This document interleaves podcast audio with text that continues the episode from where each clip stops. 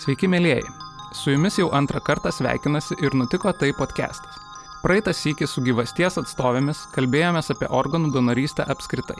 Aptarėme ją vis dar supančius mitus bei svarstėme, kas kliudo donorystės idėjos klaidai šalyje. Kaip ir žadėjome, nuo šiol mūsų pokalbiai bus teminiai. Šį kartą pas mus svečiuojasi gydytoja alergologė ir klinikinė imunologė Tatjana Rainienė. Tatjana yra viena pirmųjų imunologių šalyje aktyviai dalyvaujanti donorystės procese nuo pat transplantacijų pradžios. Jos darbas labai atsakingas ir reikalingas. Būtent imunologai nustato, kuriam žmogui geriausiai tiks donoro organas. Mane labiausiai sužavėjo Tatjanos atsidavimas darbui bei jos pasakojimai apie nematomą transplantacijos pusę. Juk prieš kiekvieną persodinimą visa gydytojų komanda atlieka parengiamosius darbus, kurie yra nemažiau svarbus nei pati operacija. Mes mielai būtume su ja kalbėję kur kas ilgiau nei valandą. Tikiu, kad ir jūs klausydami patirsite šį jausmą. Ačiū Lietuvos asociacijai gyvastis, vykdančiai nacionalinių nevyriausybinių organizacijų institucinio stiprinimo projektą, finansuojama socialinės apsaugos ir darbo ministerijos. Nuoširdžiai dėkojame ir podcastui muziką sukūrusiai Viltei Žakevičiūtai. Na, o už nepriekaištingą garso kokybę esame dėkingi Lietuvos nacionaliniai Martino Mažvido bibliotekai ir Aistei Sukata. Tai Tatjana, labai laukiu pokalbio su jumis ir jau pirmame podcast'e mes kalbėjome apie tai, kad donorystė yra grandinė ir kad kiekviena dalis yra labai svarbi, tai kalbant ir apie reiškia ir daktarus, ir donorus, ir donorų artimuosius. Kiekviena šita grandinės dalis yra labai svarbi. Ir genetinis suderinamumas yra turbūt viena iš svarbiausių dalių, nes be jos iš vis nevyktų organų donorystės procesas. Ir jūs būtent dirbate šioje srityje. Ir kiek mes domėjomės, e, jūs apsigynėte daktaro laipsnį 96 metais ir jūsų disertacija vadinasi audinių suderinamumas ir transplantatų išgyvenamumas įdomumas persodinant kadaverinius ir gyvų donorų giminių inkstus. Ir visgi tai buvo prieš gerus 20 metų, kai požiūris į donorystę tikrai buvo kiek kitoks nei dabar. Net ir dabar iš tiesų galima susidurti su mitais. Ir tai aš iš karto noriu paklausti, kaip jūs pasirinkote šią temą, kaip pasirinkote būti, kodėl ir kaip net gal reagavo jūsų šeima kaip atsidūriau šitoj srity, tai čia istorija labai ilga, bet galbūt apie tai daug nekalbėtumėm. Aš šiaip tau dirbau gydytoja, vaikų gydytoja, e, ausų nosies gerklės gydytoja, todėl kad nebuvo kam, tai teko šitą darbą dirbti. O paskui kūrėsi čia transplantacija, tai buvo 78 metai, kuomet labai ieškojo jau žmonių, kurie dirbs šitoj srity, nes sritis yra sunkiai, susijęta su būdėjimais, su netikėtais iškvietimais savaitgaliais, kada būna donorai. Rimto žmogaus, kuris galėtų paskui į tuos pirmosius žingsnius transplantacijai, o dar nebuvo disertacijoje apginta būtent šita tema mhm. - imunologinė su suderinamumu. Na nu, ir aš kažkaip tai galbūt ir pasielgiau kaip avantūristas, kaip aš šeimoje sakiau, todėl kad, nu, išeiti srity, kurios tu pati nežinai dar, bet labai įdomu ir mhm. labai svarbu. Ir tokiu būdu pasiryžau dirbti, nes, nu, darbas toks įdomus, be galo įdomus. Aš turėjau sąlytį su imuninė sistema, būdama otolaringologu, nes mūsų tonzilos tai yra vienas iš taip pat imuninės sistemos svarbių audinių, sakysim, ir organų. Ir pagalvojau, kad jeigu aš įlysiu dar giliau ir daugiau sužinosiu, galbūt aš padėsiu žmonėm dar daugiau, mhm. negu tik tai šalinant tonzilas iš gerklės arba adenoidus iš nosies. Ir tokiu būdu ir atsidūriau. O kai jau atsidūriau, tai teko jau tada dirbti iš pėties, mokytis, labai daug apvažinėti, tad tuomet sąjungoji, kad kažkiek tai išmokti daugiau sužinoti apie tą imuninę sistemą ir dirbti šitoj srity. Šeima reagavo labai ramiai.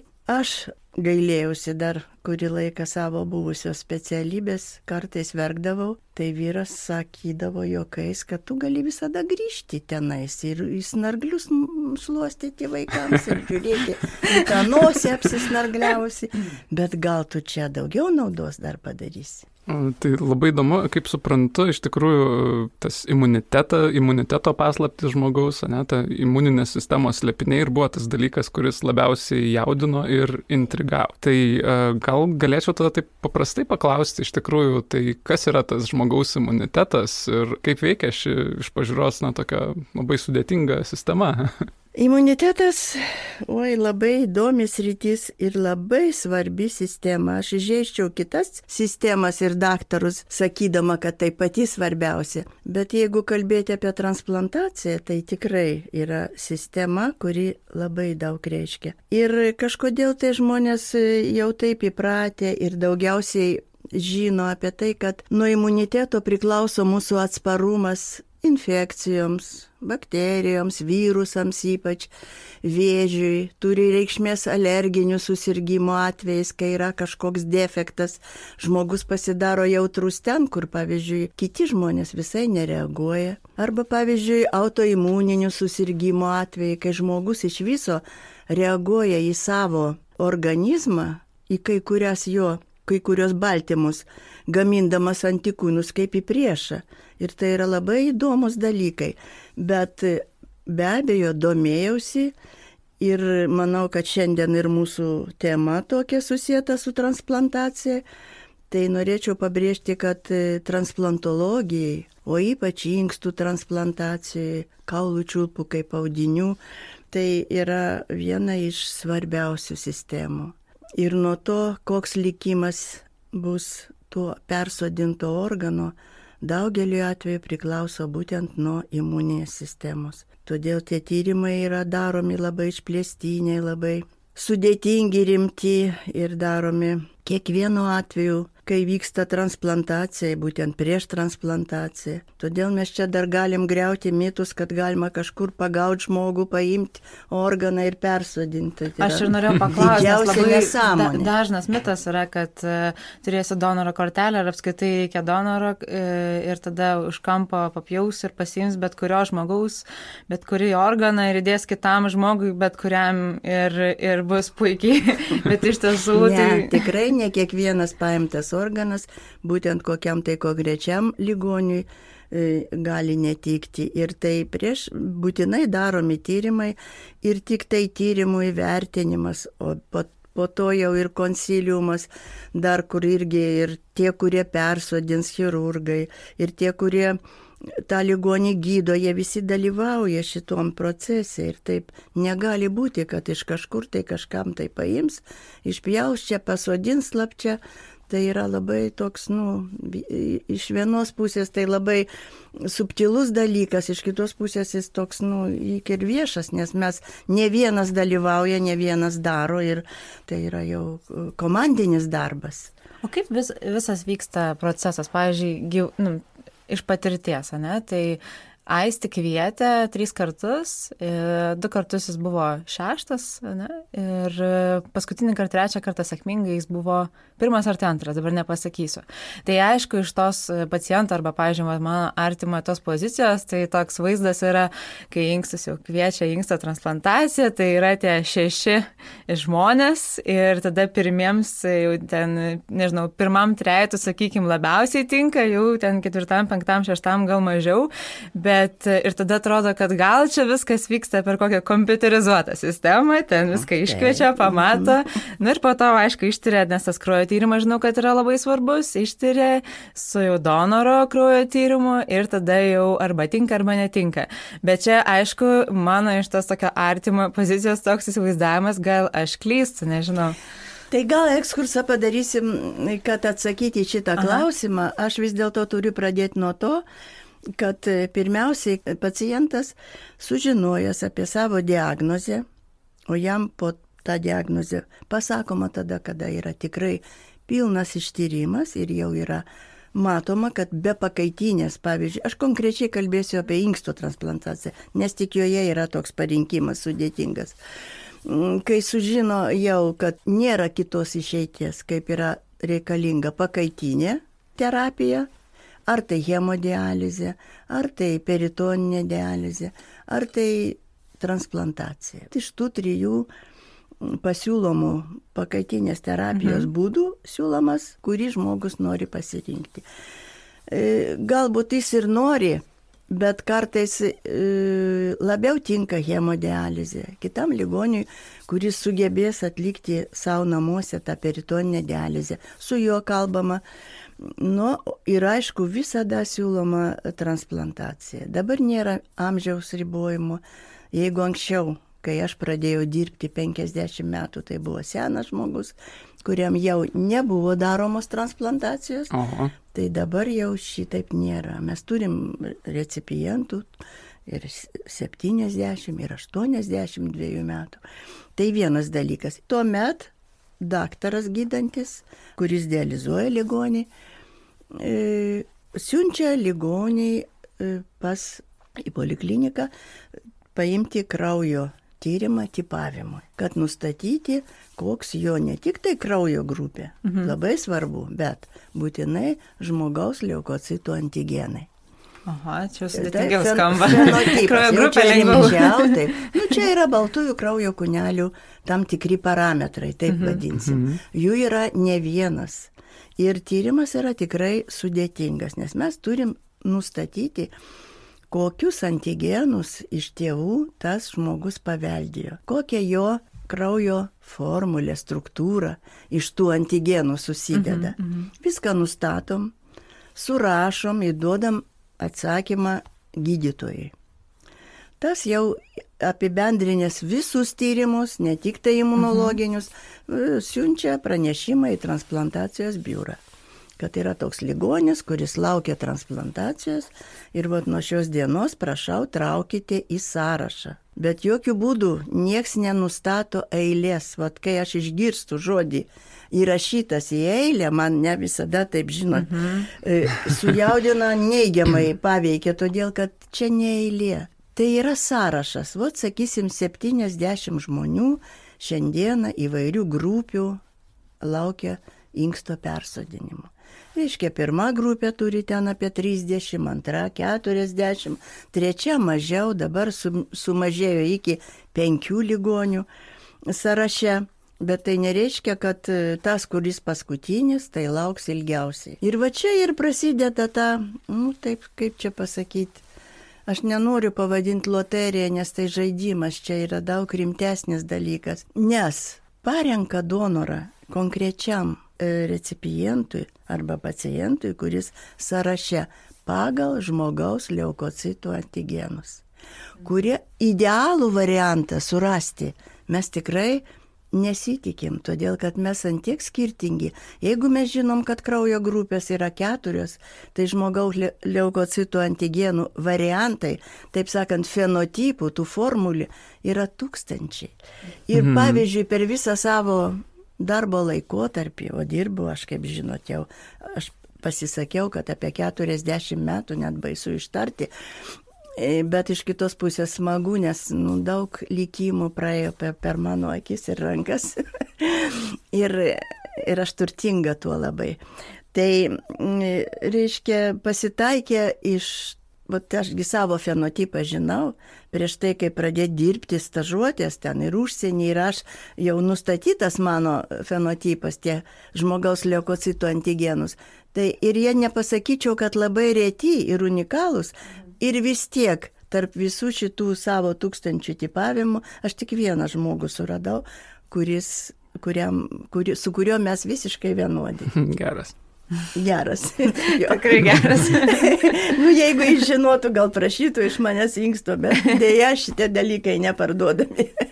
Tai va, tai tada reiškia, kai jau mes turim konkretų donorą ir žiūrim su tuo sąrašu, aha, tai vadžiu, bet ieškom vis tiek optimalaus varianto, kad kuo artimesnis tas donoras pagal savo tą struktūrą būtų e, tam recipientui, nu, tam, kuriam bus persodinama. Ir aišku, nu kartais atsiranda vienas, du iš sąrašo, nu kiti blogiau. Tai vat čia jau yra, taip sakant, kuris labiausiai tinka pirmoje eilėje, paskui e, kuris mažiau tinka pagal tai, kiek tų skirtingų antigenų e, nes mums labai yra svarbu, nesvarbu, kuo panašus tas donoras recipientui, čia gal ir sunku sugauti, o kokį skirtumą jis įneš iš šitam žmogui, kuo jisai skiriasi, kokiais taip vadinamais antigenais. Ir kuo jų mažiau, tų skirtingų, tuo geriau. Todėl, kad tą skirtumą mes galim paskui pakeisti imunosupresiniais vaistais. Mhm. Tai tie... Idealaus varianto nu tik iš brolio dvynio, sesers dvynės. Būtent nu, labai galima. Taip, nes pavyzdžiui, aš turiu du vaikus, kurie visiškai skiriasi savo e, žmogaus leukocito antigenų formulėm. Kodėl? Todėl, kad mes pusę paveldėjom iš tėvo, pusę iš mamos. Ir vienas gali paimti vieną pusytę, o kitas kitą. Ir tokiu būdu jie visiškai atrodo. Ir kai manęs paklausė, kaip čia gali būti, nu gali būti. Va, du vaikai, jie ir panašus iš išvaizdos, bet jie visiškai pagal savo struktūrą yra skirtingi. Ir, ir todėl kartais ir iš giminių mes nelabai galim labai gerą variantą, nes su mama ir su tėčiu tik trys. Geriausiu atveju, jeigu mama ir tėtis turi bendrų, tada tas vaikas paveldė mažiau tų skirtingų antigenų. Čia irgi, čia yra visas mokslas ir aišku, čia išdėstyti labai sunku. Bet kodėl kviečiam ir dabar jau ne šešis, o tik keturius, nes mes susidurėm dar su kita problema. Pavyzdžiui, per tą lai, laukimo laikotarpį, kuriam tai pacientui vat, gali būti piltas kraujas. Mhm. Mhm. E, pas kurį atsirado antikūnai prieš tam tikrus antigenus, vėlgi, kuriuos gali turėti donoras ir kryžminė reakcija, kuri būtinai daroma su kiekvienu šviežiu žmogaus serumu, kuris atvažiuoja transplantuotis. Ir ta kryžminė reakcija prieš du mėnesius, mėnesius jį buvo neigiama, o dabar po kraujo perpilimo pasigamino antikūnai. Ir žmogus rodo, kad jisai šiandien yra imunizuotas. Aš žiūriu kraują ir, ir matau, kad jo kraujuje yra antikūnai, kurie net nukreipti prieš to donoro antigenus. Ir jis iškrenta iš to, iš to ketvirtuko, kuris šiandien kviestas. Tada vėlgi, o kaip kitų kandidatų į transplantaciją šios dienos situacija. Pas kitus pasirodo, kad kraujo, kai tikrino prieš sodinimą, e, yra e, teigiami uždegiminiai rodikliai.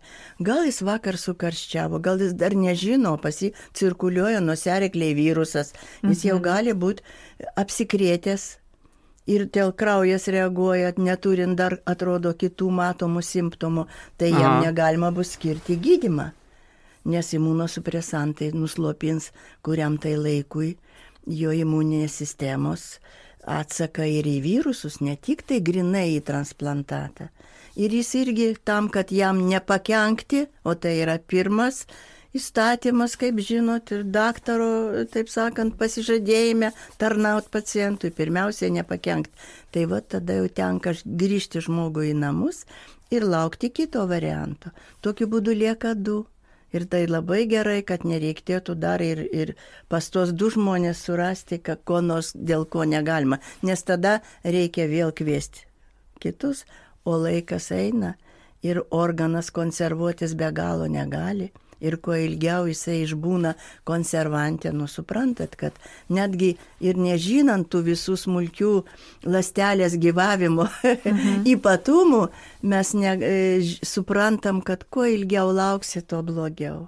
Nes jau jis išimtas iš kito kūno, iš tos terpės įprastinės ir patei, pas, perkeltas į konservantą, kuris nu, nėra adekvatus visai žmogaus kraujo taip, taip, taip. sistemai ir taip. Taip pat tokie momentai nulėmė, kad kartais reikia paskubėti ir dėl to kviečiami keturi. Kai būdavo mm, šeši, aišku, nu, sudėtinga buvo pacientams, nes vis tiek jau keturiem reikėjo grįžti namo. Tai ne visai gerai. Bet dabar dializės centrai labai kruopščiai ištiria ligonius. Ir jau tokiu atveju, kur ten pavyzdžiui kažkas rasto, dėl ko negalima, tai jau nu, jau išvelgiami prieš transplantaciją. Ir tada parašo, kad tas žmogus laikinai nerecipientas ir eina į transplantaciją tik tas sąrašas, kaip mes vadinam aktyvus, kur turėtų jau būti visi be kokių tai problemų, kurios trukdytų transplantaciją. Tai tarsi tam tikra apsaugos priemonė gaunasi, taip, kad, taip, kad išlaikyti taip, taip, tą sklandumą proceso taip, viso taip, taip, ir kad taip, neatsirastų ir kad, kažkokių nenumatytų taip, tokių.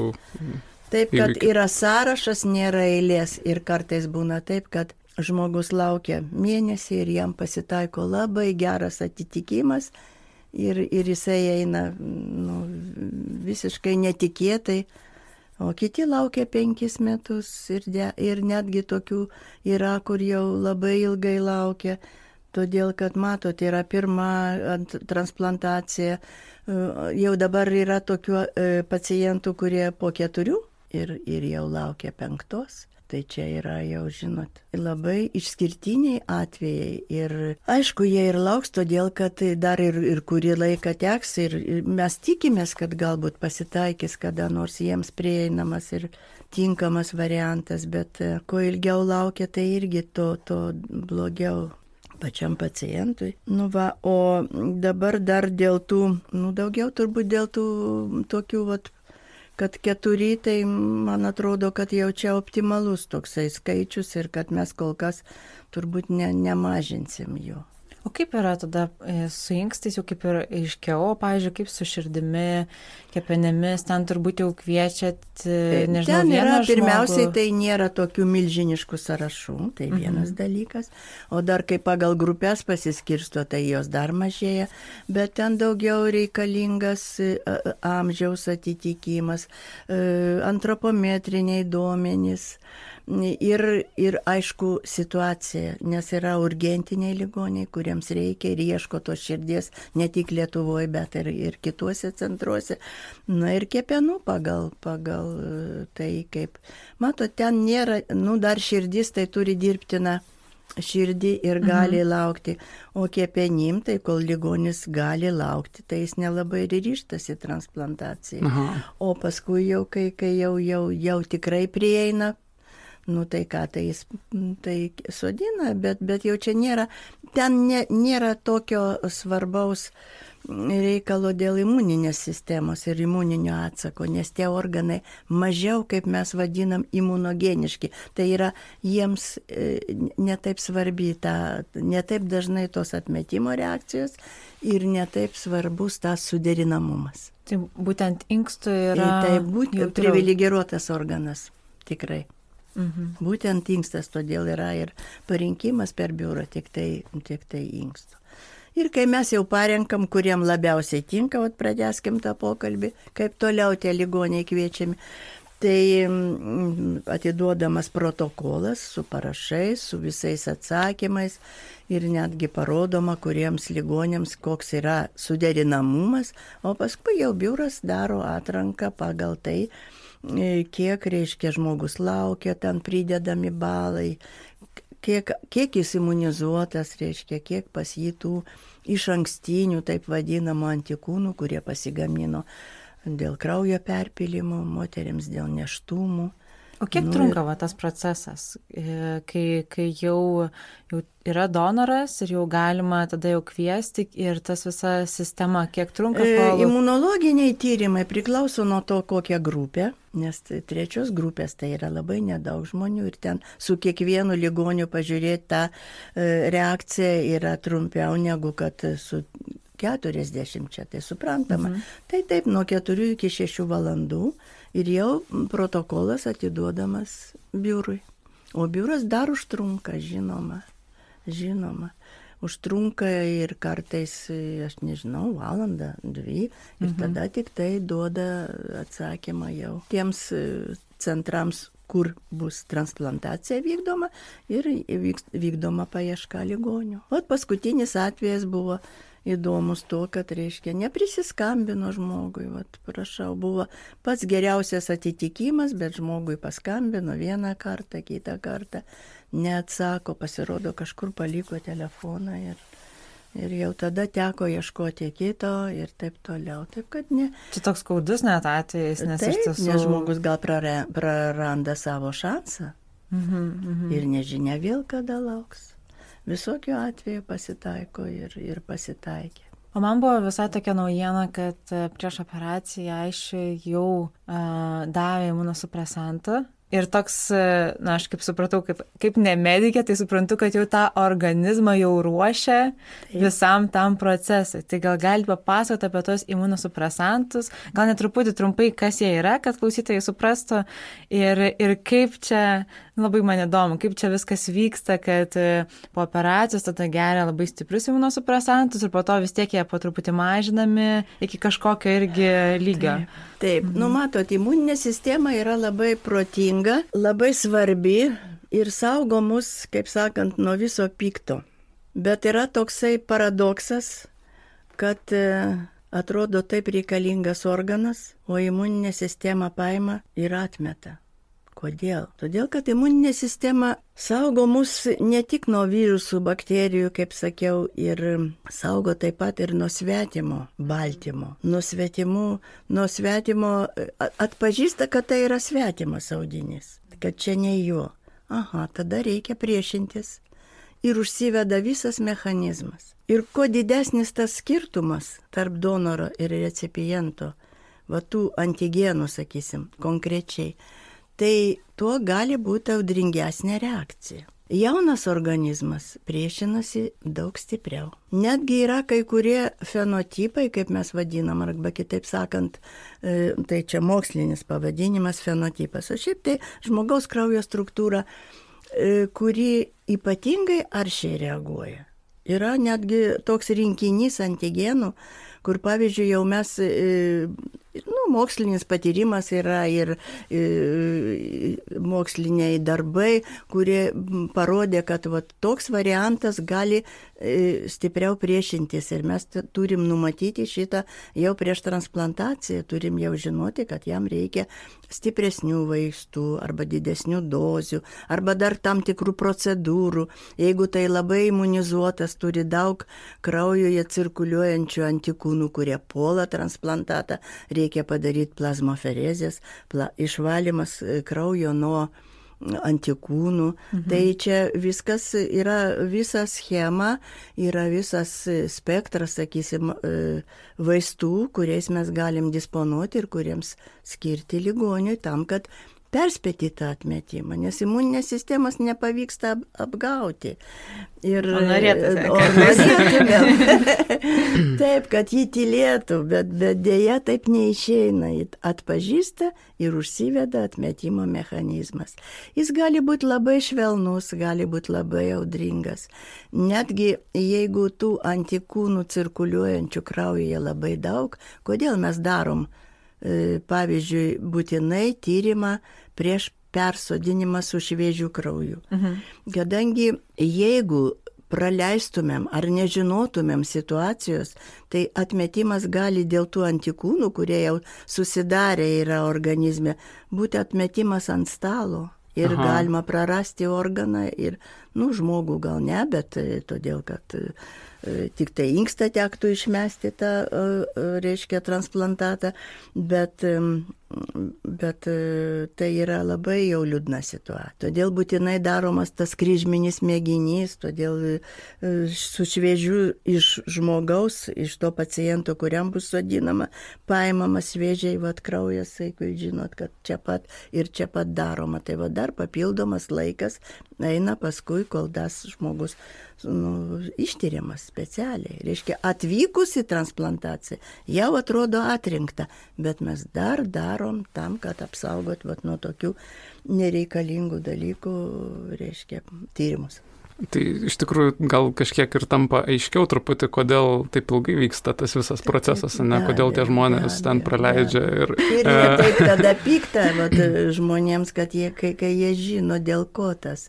Čia niekas mhm. specialiai netraukia, čia mes visi skubam, juk neturim laiko niekada perspėti, kad bus darbas ir viskas. Tu niekur neturi būti nei sodė, nei darže, nei, nei, nei teatre, tu turi bėgti, tavo būdėjimas, tu turi bėgti greičiau, nes toj pat turi prasidėti darbas ir ten mes irgi nesnaudžiam. Tiesiog yra e, sa, e, metodikos yra sudėtingos, nes yra inkubuojamos, nu taip sakant, e, išlaikomas tam tikrą laiką lastelės, kurios skiriamos iš donoro kraujo arba iš blūžnies, kai jau paimta. Tai reikia jas pripratinti prie žmogaus serumo, reiškia, kuriam bus sodinama tas laikotarpis, kol vyksta ta sąveika. Paskui tai čia viskas temperatūrinis režimas turi būti išlaikytas. Nu, ir, ir inkubacija, pavyzdžiui, su, su komplimentu, tur, kuris dalyvauja šitos metodikos metu, tos procedūros, tos reakcijos užtrunka valandą. Nu, tai vis tiek čia visur nu, reikia išlaukti tą laiką. Negali niekaip sutrumpinti pačios metodikos, ne tai be galo svarbu. Ir labai baisu, jeigu, pavyzdžiui, apsiriktumėm, nes mes jau neturim galimybės pakartoti. Jūs Aha. įsivaizduojat, kad padarom tyrimą, atidavėm, žmogui sodina, o čia paskui staigiai ką kokia klaida ar kas. Viskas jau. Taip jau ne, nebūna, kad tu gali vėl iš naujo pradėti, kaip pavyzdžiui, ten gali vėl paimti kraujo tyrimą, patikrinti, ar neatsitiko kokia klaida. Čia jau taip negali būti. Užtat serumai irgi vat, saugomi tie archyviniai, taip vadinami, e, kurie, su kuriais dar lygini šios dienos. Ir, ir tas viskas daroma e, tuo pačiu laiku ir tai, tai užtrunka laiko. Dar vertinti reikia irgi, nu, viskas, ir aparatai, ir žmogaus supratimas, akis. Ir, ir, ir iš kitos pusės čia subjektyvumo daug nėra, todėl kad nu, yra viskas dokumentuojama, matoma ir tu e, viską gali e, parodyti, paskui pa, pakartoti jau taip sakant, retrospektyviai paimti užšaldytas donoro lastelės, vėl padaryti tą kryžminę reakciją. Nu, žodžiu, čia kur nors praleis, kažką pražiopsuot, kaip sakoma, tai čia neišeina. Netoks darbas. Man labai įdomu, kaip, pavyzdžiui, sveiko žmogaus ir žmogaus po transplantacijos organizmas kovoja su infekcijom. Pavyzdžiui, dabar po transplantacijos ateina ruduo ir visi čiaudi čia aplinkui ir žmogus geria kaip tik imunosupresantus. Tai kaip, kaip vyksta, kaip, kaip galima apsisaugoti nuo tų infekcijų, ką daryti, aišku, yra tam tikra vis tiek hygiena, bet Bet kaip tie imunosupresantai ir veikia dar tą žmogų, bet tokiam? Imunosupresantai, ypač pirmuoju laikotarpiu po persodinimo, žinoma, yra duodami didesniam dozėm. Ir tai yra ne vieno vaisto, o tai yra kelių vaistų kombinacija ir tikrai dozės yra nemažos ir pavojus atmetimui yra būtent tie pirmieji trys mėnesiai, Nu, kartais ilgiau užtrunka, kol išsivysto ta tolerancija, kol organizmas taip pat irgi kažkiek jau pradeda priimti jį. Bet jis niekada iki galo nepriema. Bet iki galo mhm. ne ir vaistus reikia gerti, tik paskui jau mažesniam dozėm. Mhm. Aišku, tas pavojingas laikotarpis. Todėl, nu, aš kaip imunologas niekada nepraleidžiu progos paklausti prieš transplantaciją, ar tamsta esi paskiepytas, ar sirgės mhm. kokiom vaikiškom lygom, nes ir jos gali būti pavojingos. O ypač, e, kai kasmet gripo epidemijos būna. Tai tikrai kažkodėl tai būdavo toks supratimas, kad gal negalima skiepyti idealizuojamų ligonių ir, ir būdavo taip, kad nepaskėpijami didelis pavojus.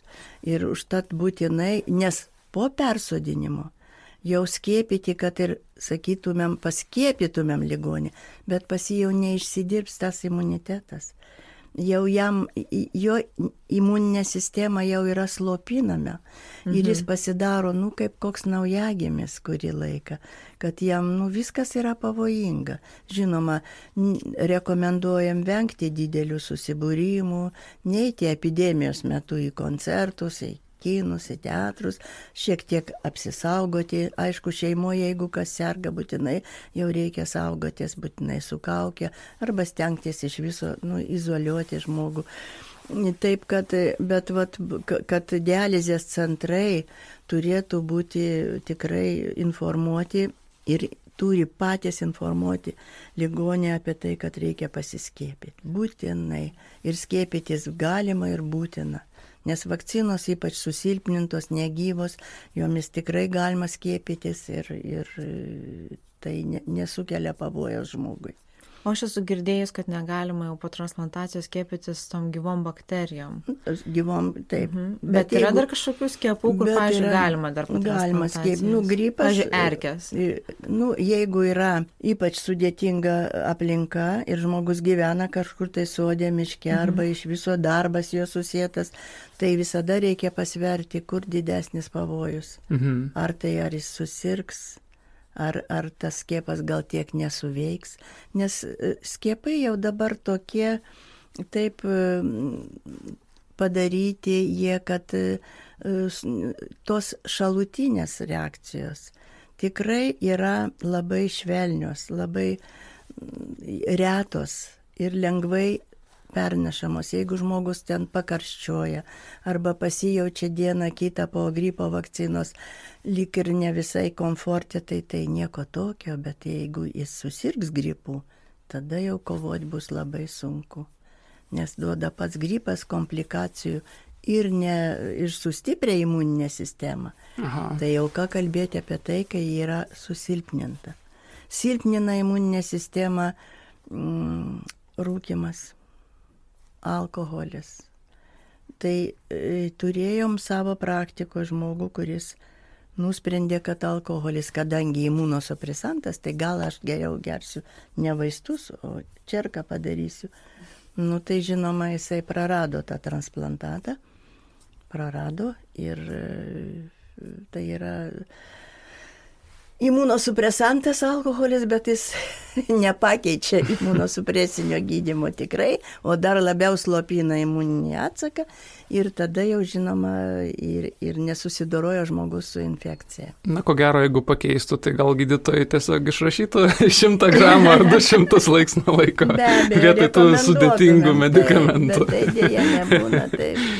Ir labai gaila, kai žmogus, pavyzdžiui, gauna tokią dovaną persodinamas organas, kažkas paukoja su visa širdim ir, ir, ir tikėdamasis, kad, kad padarė gerą, o žmogus ignoruoja ir paskui pradeda negert vaistų, elgtis netinkamai, piknaudžiauti visais negerais dalykais ir praranda tą brangų transplantatą, nes jis tikrai yra labai brangus. Jeigu gali pagerinti tavo gyvenimo kokybę, Ir tu gali gyventi pilna verti gyvenimą ir staigiai taip nesažiningai pasielgti. Tai. Bet būtų. Aš dažnai šiandien galvojau visai apie tą pilnavertį gyvenimą, kai visą laiką visi sakydavo, kad sutikė pilnavertį gyvenimą, aš iš tiesų iki galo nesuprasdavau. Ir kai pamačiau Aistį jau po transplantacijos, dar prisimenu, kai skambinau reanimaciją, ten kitą dieną, gal 8 val. ryto ar pusę 8, sako, tai jo, jau po operacijos, jau pavalgė, ta operacija baigs 10 val. vakarą, galvoju, aš dar nevalgiau pusryčių, o čia žmogus atsigavęs, jau valgyt nori, jau odos spalva pasikeitė. Taip, taip, taip. taip toks tikrai tas pilnavertis gyvenimas visą tą prasme, kad žmogus atsigavo ir energijos. Aišku, čia dabar kalbu iš, nu kaip matau, iš šono, gali dar gal papasakoti. Ai, gal tu papasakosi? Ne, tai iš tikrųjų, iš tikrųjų labai viskas pasikeičia taip ir, ir, ir, ir tas nuovargis dinksta nuolatinis, kurį, kurį jaučia dializuojami pacientai. Ir, ir, ir atsiranda apetitas, e, kuris irgi tarsi buvo jau prislapintas ilgą laiką arba net tiesiog nejausdavau aš to poreikio valgyti kažkokio tiesiog, ar reikėdavo pavalgyti, galbūt nebūdavo to, kad noriu valgyti. Tai tikrai visiškai, visiškai keičiasi mm, ta savijauta ir galima suprasti, kai žmonės sako, kad uh, iš tikrųjų keičia tą gyvenimą kažkuria prasme. Taip, kad pajusti šitą, tai žmogus turi, aišku, palyginti tai, kas buvo, kokia buvo e, savijauta ir kas ir kaip dabar. Ir aš, kai atėjau į tas rytį dirbti, labai įdomu, aš mačiau, kad į operacinę važiuoja su džiaugsmu, su tokiom laimingom akim žmogus ir aš galvoju, Taip baisu, tokia sudėtinga operacija, o jis šypsosi nuoširdžiai, man sodinama. Nu, va ir tas irgi labai veikia, taip labai galvojau, nu reiškia, mes tikrai ne veltui dirbam ir reikalingi labai ir, ir taip gerai, kad šitam žmogui. Nors vad, kai dirbi, tai jūgi nematai ir atrodo visi vienodi ir visi laukia ir visi tik pamatai jau per konsiliumą, kuriam čia žmogui bus persodinama. Nu ir paskui pradedi sirgti, paskui dar galvoji, dar paskui mes nemiegam kokią naktį, galvojam, ar ten viskas gerai Tai irgi žinokit, nors esi atrodo garantuotas, bet vis tiek, o kaip, o, gal, o kaip ta kryžminė, o gal pas jį ten dar kas nors neišriškėjo, o išriškės vėliau. Tai va toks, toks nerimas vis dar žiūri, kaip jam, kaip jam toliau sekasi. Nors mes, sakau, e, kariai nematomo fronto, kaip aš sakau, mes, imunologai kurių niekas nežino. O Bet jūsų darbas labiausia. labai labai prasmingas. Ir aš dar irgi noriu paklausti, ir jūs e, irgi dar ir e, su gyvastim irgi aktyviai, kiek žinau, dalyvaujate. Taip, taip, tai ir jūs matote ir visą bendruomenę, to žmonės. Bet e, irgi kaip, kaip jums, net negal nežinau, kaip būtinai kaip gydytojai, kaip medikai, bet, pavyzdžiui, kaip ir žmogui, kaip matot tas gyvas istorijas, tas sėkmingas, koks jausmas yra. Kaip Jeigu žmogui... dar net ir žinote, kad Vat jūsgi tyrėte ir va tam žmogui. Žinot, kai aš atėjau į šitą sritį ir atėjau e, būdama vaikų gydytoja ir aš tokių tragedijų nemačiau dirbdama poliklinikoje. Ir kai pradėjom mes su tais, dar pradžia buvo, žinot, labai tokia, nu, senai tai buvo, ir imunologai dalyvavo, ir vizitacijose žiūrint ligonius. Ir kai eidavom per palatas, tai e, nenuslėpsiu ir nuo jūsų, kad aš išeidavau iš palatos šluostydama ašaras, kad niekas nematytų. Nes labai paveikia tai, kad jauni žmonės po grypo persirkto netenka inkstų. Ir, ir man taip labai turint savo vaikus, nu aš ir, ir pagalvojau, kad nu tikrai čia yra toks rimtas susirgymas. Ir taip, taip sunku tiem žmonėm. Na, o paskui matydavau po transplantacijos. Ir kai ateidavau į tuos susibūrimus gyvasties, tai kai aš matydavau, kad tie žmonės atsigavę, kad jie laimingi, kad jie linksminosi kartu su visais, kad mane kviesdavo šokti. Ir, ir, o girdėjau, kad jūs šokat. Būdavo labai labai smagu ir aš sakau, aš niekada neatsisakydavau dalyvauti, nes man, nu, yra tam dopingas toksai tiesiog. Tikrai, nu, kai pamatai, atrodo, nu, Dieve mano, kaip, kaip gražu, aš žinau, kaip tas viskas buvo ir kaip dabar yra ir kaip gera, nu, kaip gera ir kad tik tikrai tai ne, nebeviltiška ir mes dirbom labai prasmingą reikalingą darbą ir, ir tikrai, ir tai pasidaro tie žmonės, nu kaip giminės, žinokit. Man net, nu jau tiesiog, va, tai labai labai dažnai susitikdam, susitikdavom ir labai gražiai bendraudavom, jas visada klausė, kaip ten mūsų tie tyrimai, o kaip ten tų antikūnų, ar dar daugiau, ar, ar mažiau, ar toks vat, nu, bendravimas yra labai svarbus. Man atrodo, kad jau mes tiesiog tampam kokią tai vieną šeimą. Tie daktarai, kurie ruošia, paskui kurie tyria, paskui tie, kurie persodina ir žinoma, nu, ta, ta, ta, tas ryšys ir, ir tas bendravimas nesibaigia taip.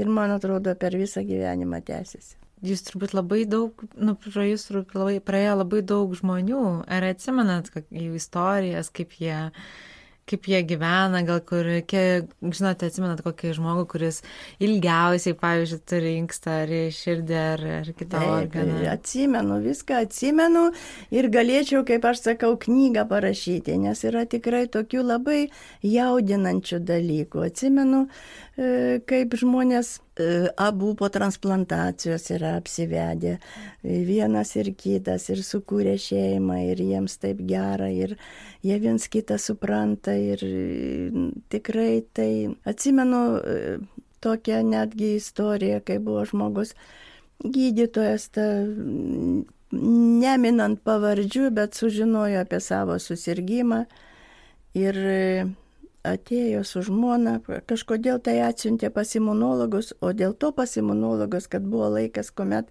mes patys net ir kraują imdavom ir tirdavom. Nebuvo Aha. tokios sistemos dar atidirbtos, nes tai nu, viena iš tų metų, kada buvo pradžia tų transplantacijų. Nu ir jie tokie šoko būkliai pasimetė ir kas čia dabar bus ir kaip čia bus, ar aš galėsiu paskaitas skaityti ir, ir žmona susirūpinus ir, ir taip, nu taip kažkaip tai, bet žinot, pakalbėjom, apraminom, kiek jau yra tų transplantacijų. Nu, kad, kad gali tekt laukti, žinoma, ir nežinom kiek, nes va tai yra toks dalykas, kur niekada negali numatyti, kada Ir, ir kažkur po mėnesio skambutis, žmogus skaito paskaitą ir jam sako, kad jums yra tinkamas donoras.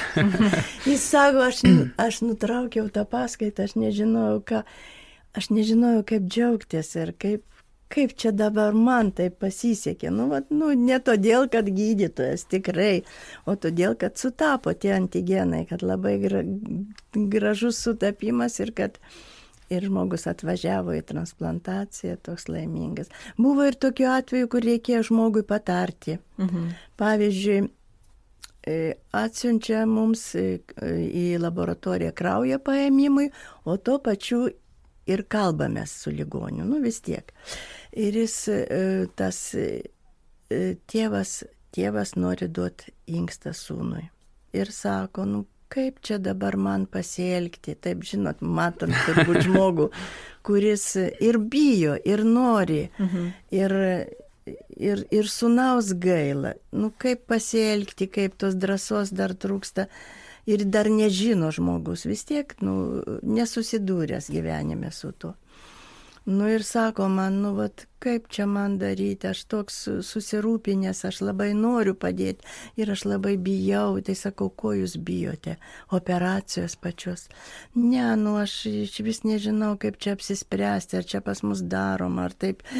Ir, nusakau, žinot, tikrai jūs ne pirmas, kad jau tokios transplantacijos atliekamos ir, ir čia dėl to tikrai jaudintis nereikia. Jeigu jūs bijot pačios operacijos, taigi jį nuskausmina taip ir.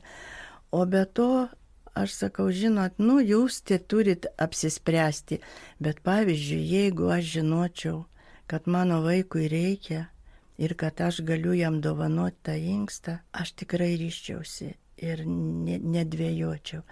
Ir jis taip į mane pasižiūrėjo ir sako, turbūt ir aš tai padarysiu atidavė jis tą inkstą, mhm. viskas buvo labai gerai, tas sunus gyvena ir dabar su tuo transplantuotu inkstu, nors praėjo jau virš 20 metų ir da, daugiau bijau dabar suklysti. Sakau, o kaip tėtis, o tėtis dirbo, kaip dirbo, taip ir dirbo, nieko, viskas gerai.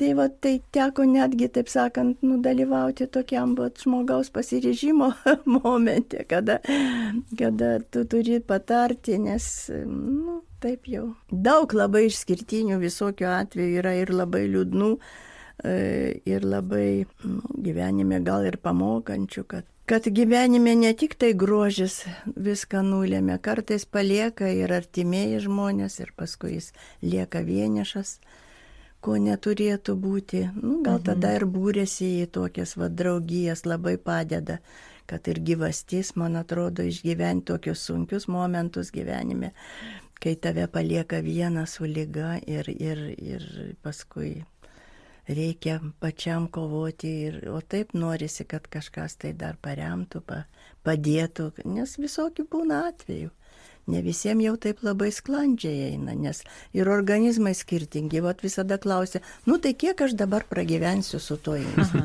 Nu tai žinot, klausimas toksai. Tai viskas, sakau, nuo sudirinamumo priklauso, priklauso nuo to, kaip pats gersi vaistus, priklauso nuo susirgymo, yra tokių piktų lygų. Nu, jų nedaug yra, bet irgi kur greitai progresuoja ir paskui pačiam transplantatė atsiliepia šitas. Tai, nu, yra tokių atvejų, bet jau dabar mūsų tas mm, progresas labai didelis, nes labai didelis pasirinkimas vaistų, labai gera priežiūra. Kartais reikia padėti dializėm, taip, ypač pradžioj, bet tai viskas. O ar tiesa dar e, girdėjau tokį irgi, e, nežinau, mitas ar tiesa, kad e, truputį grįžtant į tą genetinį sudarinamumą, kad vienam iš šešių šimtų atitinka. Ar čia Aš bijau jums pasakyti tą skaičių tikslų. Visi todėl, labai kad... nori tų skaičių žaidimų, nori viską žinot, kada, kiek laiko. ne, tikrai tas skaičius jau tūkstančiai, ne, ne šeši, o daugiau jeigu mes, ką mes turim omeny, nes šita formulė mhm. yra labai didelė. Ir dar šiandieną mes nežinom, ar nepasipildys kokiais tai dar antigenais arba žymenys, kurios mes ne, dar nenustatinėjom ir jie dar ir nežinomi. O tai pavyzdžiui, va... kaiminės šalis, gal mes, tarkim, nežinau, kažkokiais net ir regionais yra tie, e, nežinau, genetiniai suderinamumai, net nežinau, kaip paklausti iš tiesų. Pavyzdžiui, kai dabar buvo gyvoji e, donorystė ir Taip. ukrainietis buvo uh mhm. -huh. žmogus gyvenantis Lietuvoje ir uh mhm. -huh. mama ukrainietė, tai Taip. gal mes irgi turim ryšį ir nu, šalyse, kur šalia mūsų yra. Um. Šiaip tai mes, vat, atsakant į tą klausimą, tai būtų, būtų labai gražu ir gerai ir naudinga galbūt ir, ir mūsų pacientams, ta prasme, kad jie greičiau gautų tinkamą transplantatą pagal tuos parametrus, jeigu mes dalyvautumėm dideliam apjungime. Mhm. Pavyzdžiui, eurotransplantas tai ten galbūt laukimo laikas ir mažesnis, nes vis dėlto iš didesnio laukiančiųjų ir didesnio skaičiaus donorų žinoma daug greičiau, tada mhm. galbūt ir Aha. būtų bet Skandijos šalis galėtų mums padėti, nes tai irgi jau šiek tiek ir genetiškai panašus. Ir mes turim savo, savo e, tokį nu, genetinį fondą, kaip sakant, pačios mūsų valstybės, sakysim, lietuviai. Mes tyriam netgi tokius nu, tautinius tuos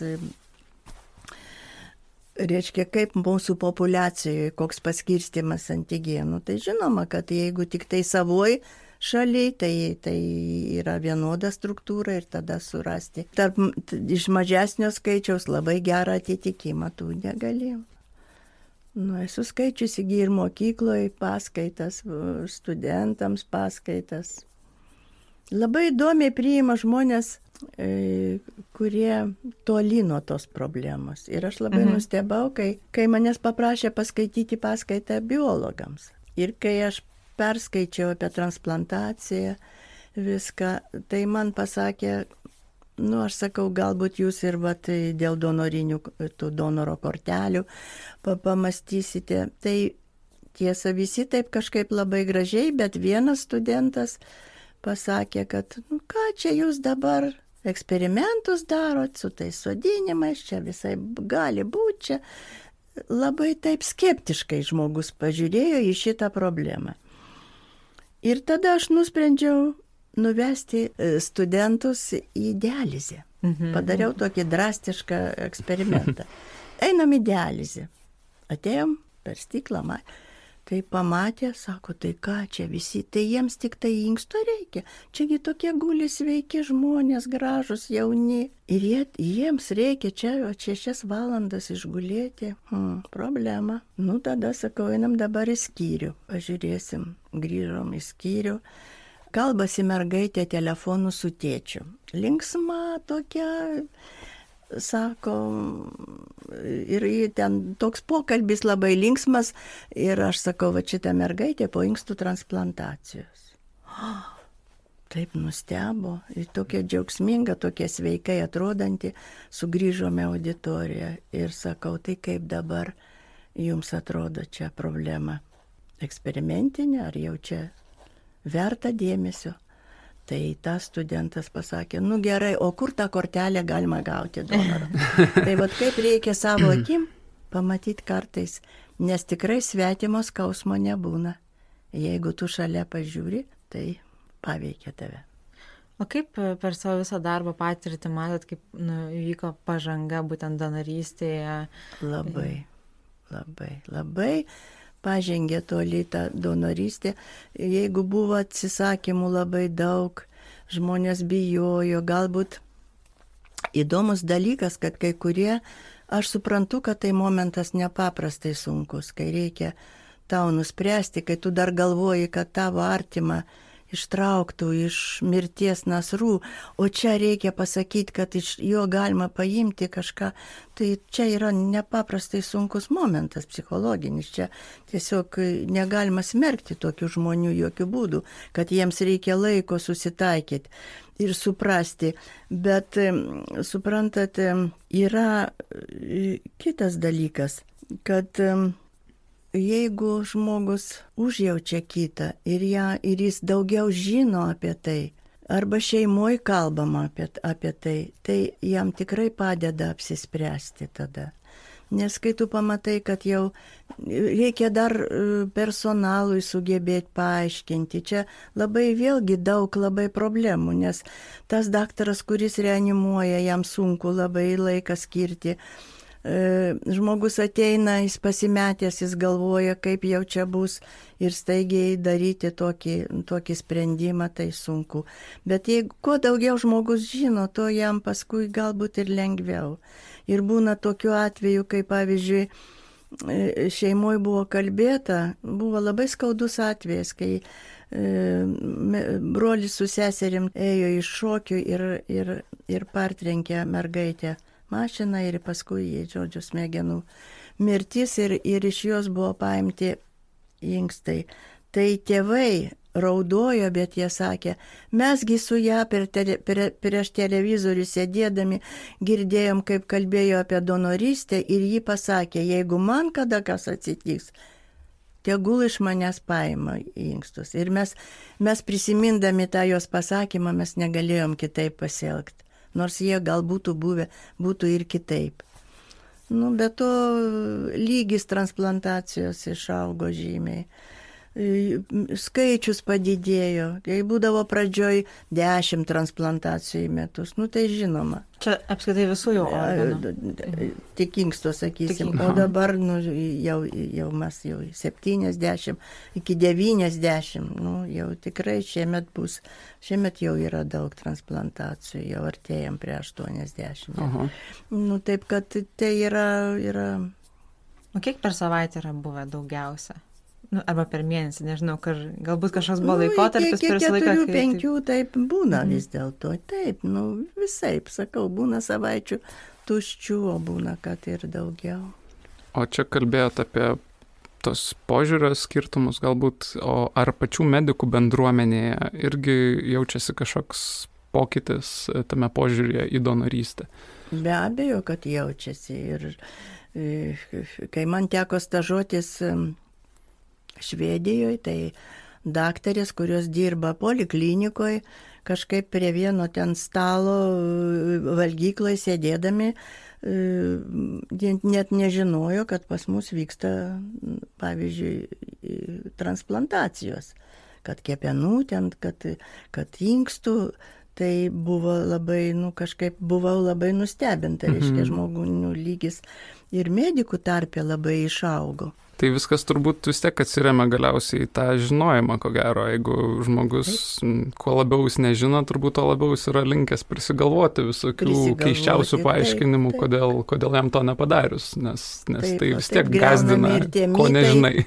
Taip, greunami ir tie mytai, kad baisu kortelę turėti, kad tave gali kažkur užmušti, paimti ir taip toliau. Tai čia yra jau dabar atgyvena. Tai žodžiu, dar ateityje daug gerų dalykų nusimato. Manau, kad dar pažengs ši e, medicina iš šaka. Bet mums šiandieną svarbu, kad mes labai užjaustumėm viens kitą ir padėtumėm tais momentais, kai gali dar padėti. Tai ką tai tuomet ačiū labai Tatjanai, kad šiandien buvo su mumis, kad, kad pasidalino daugybę, daugybę įdomių žinių apie imunitetą, apie, apie alergijas, apie antikūnius, apie tai, kaip mūsų organizmas tvarkosi, sakykime, su svetimkūniais ir įvairiais sukeliais. Buvo tikrai be galo įdomu išgirsti. Nu, ačiū labai. Aš galiu dar pasakyti? Taip. Laisvai. Padėkoti irgi, aš labai čia, taip sakant, bijojau. E, nu, kaip čia pasakyti, ne, ne, iš nežinojimo. Bet aš labai dėkinga, kad jūs taip pat vertinat mūsų darbą, suprantat, kad tai yra sudėtingas ir su, dabar galbūt labiau jums aišku pasidarė ir jūs taip pat greusit tuos mitus ir tas nesąmonės, kurias trukdo kartais transplantacija, nes būna e, kokia tai viena replika arba filmas, arba žinia kažkokia tai e, žiniasklaidoje ir sugadina tada e, tą visą mūsų, visas pastangas, kuriam tai laikui mėnesių netgi kartais stebėjom, kaip kartais atsiliepia žmonijai. Daugiau atsisakymų tada atsiranda ir aišku, tai labai trukdo procesui ir progresui. Mhm. Tai labai smagu, kad žinos daugiau apie tą tikrą tiesą. Tikiuosi, tikiuosi, kad ir pasidalins, nes reikia apie ir tai išnekėti ir tas tai. kalbėjimas turbūt yra gal net tai. svarbiau, kaip ir tas pavyzdys, kai tėvai žinojo, tai. e, ką taip. dukra buvo nusprendus. Nes, matot, taip, šiandieną žmogus sveikas, koks jis bus rytoj nežino. Ir kartais būna taip, kad e, tas, kuris atsisako, jam kartais reikia rytoj padėti Yra tekę tokių. Ir, ir taip, ir, ir, ir tada jau jis pagalvoja kitaip. Nors pokalbį baigėme iš ties liūdna gaida, te bus tai dar vienas priminimas, kaip viskas šiame pasaulyje trapu ir laikina. Juk niekada negali būti tikras, ar kam iš artimųjų, draugų ar pažįstamų greitų metų neprireiks pagalbos. Ir tai yra dar viena iš daugybės priežasčių, kodėl verta kalbėti apie organų donorystę. Po pirmosios laidos sulaukėme daugybės atsiliepimų. Esame labai dėkingi už tai, kad klausotės ir nutiko tai podcast'o, dalinatės įspūdžiais ir taip leidžiate mums tobulėti.